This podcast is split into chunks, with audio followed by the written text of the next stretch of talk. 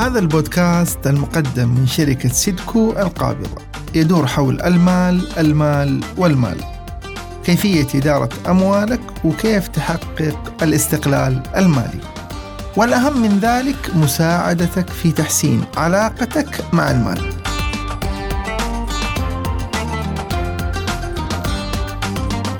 أربعة ترتيبات مالية لموسم العودة إلى المدرسة. قبل أن ترتفع الحقائب على ظهورهم وتمتلئ محافظهم بالأقلام الملونة وتلك المبراه يخوض الأهل وأحيانا الأولاد معهم عدة مراحل من الاستعدادات والترتيبات التي تحتاج بمعظمها إلى الريالات ففيما نقترب من موعد افتتاح المدارس ما هي أهم الإرشادات العملية التي يجدر أخذها بعين الاعتبار؟ قبل كل شيء من المهم الاستعداد في وقت مبكر لأنه كلما ضاق الوقت قلت الاحتمالات أمامكم وصارت فرص توفير الأموال أقل. أما بعد فإليكم أربعة ترتيبات مالية لموسم العودة إلى المدرسة.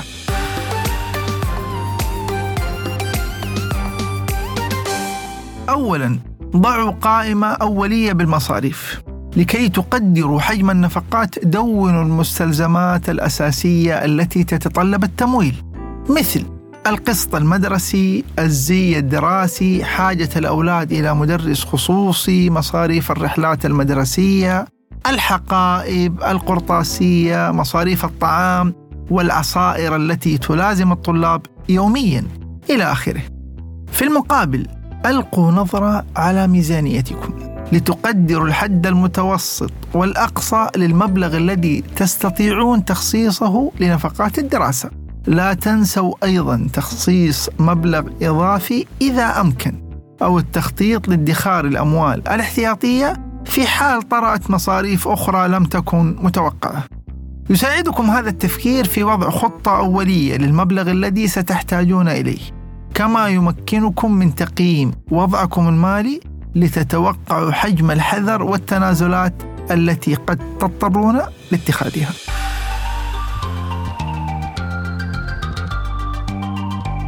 ثانيا فكروا في حلول بديلة. حسب قائمة المصاريف التي وضعتموها ابحثوا عن سبل للتوفير في كل بند وهنا بعض الاقتراحات مثلا يمكنكم شراء كتب مستعملة أو الاستعانة بكتب الولد الأكبر إن كان لديكم أكثر من ولد في المدرسة نفسها. أو ربما قد تتعرفون إلى أهل طلاب آخرين فتتبادلون الكتب. للقرطاسية يمكنكم ترتيب كل الأقلام والدفاتر التي تملكونها أصلا في المنزل عوضا عن شراء فائض منها. للنشاطات يمكنكم تسجيل أولادكم مجانا في نشاطات ما بعد الدوام الدراسي. أو إذا لم يتوفر ذلك ابحثوا في محيطكم عن نشاطات زهيدة الثمن أو مراكز تقدم الحسومات عند تسجيل أكثر من ولد.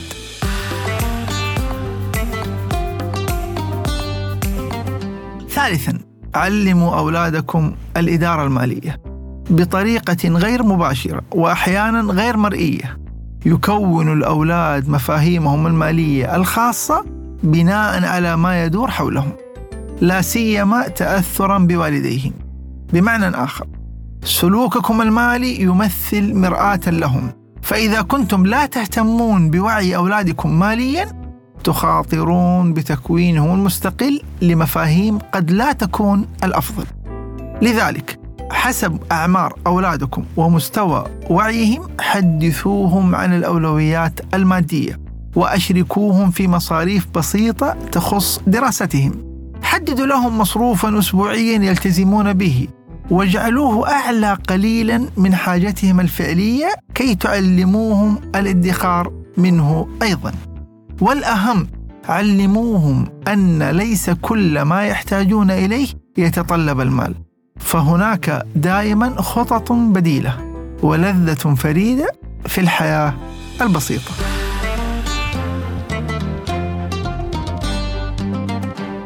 رابعا خططوا للسنة الدراسية القادمة.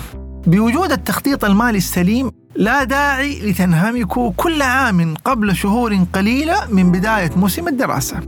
احرصوا مثلا على ألا تشتروا زيا مدرسيا ضيقا كي يستطيع أولادكم الاستفادة منه طوال عامين. علموا أولادكم الحفاظ على حقائبهم وكتبهم حتى تتمكنوا من بيع أو استبدال هذه الكتب أسرع وهي في حالتها الجيدة. اشتروا لأولادكم قرطاسية العام القادم عند انتهاء موسم الدراسة لأنها ستكون عندها بسعر أقل. نظرا لانخفاض الطلب عليها خلال هذه الفترة.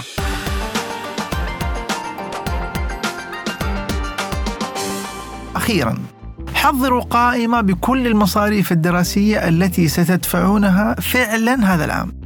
ثم قسموا المجموع على 12 لتقدروا القيمة التي عليكم ادخارها كل شهر للعام الدراسي القادم. نتمنى أن تساعدكم هذه النصائح في توفير جهود إدارتكم المالية لمواسم الدراسة مع الوقت.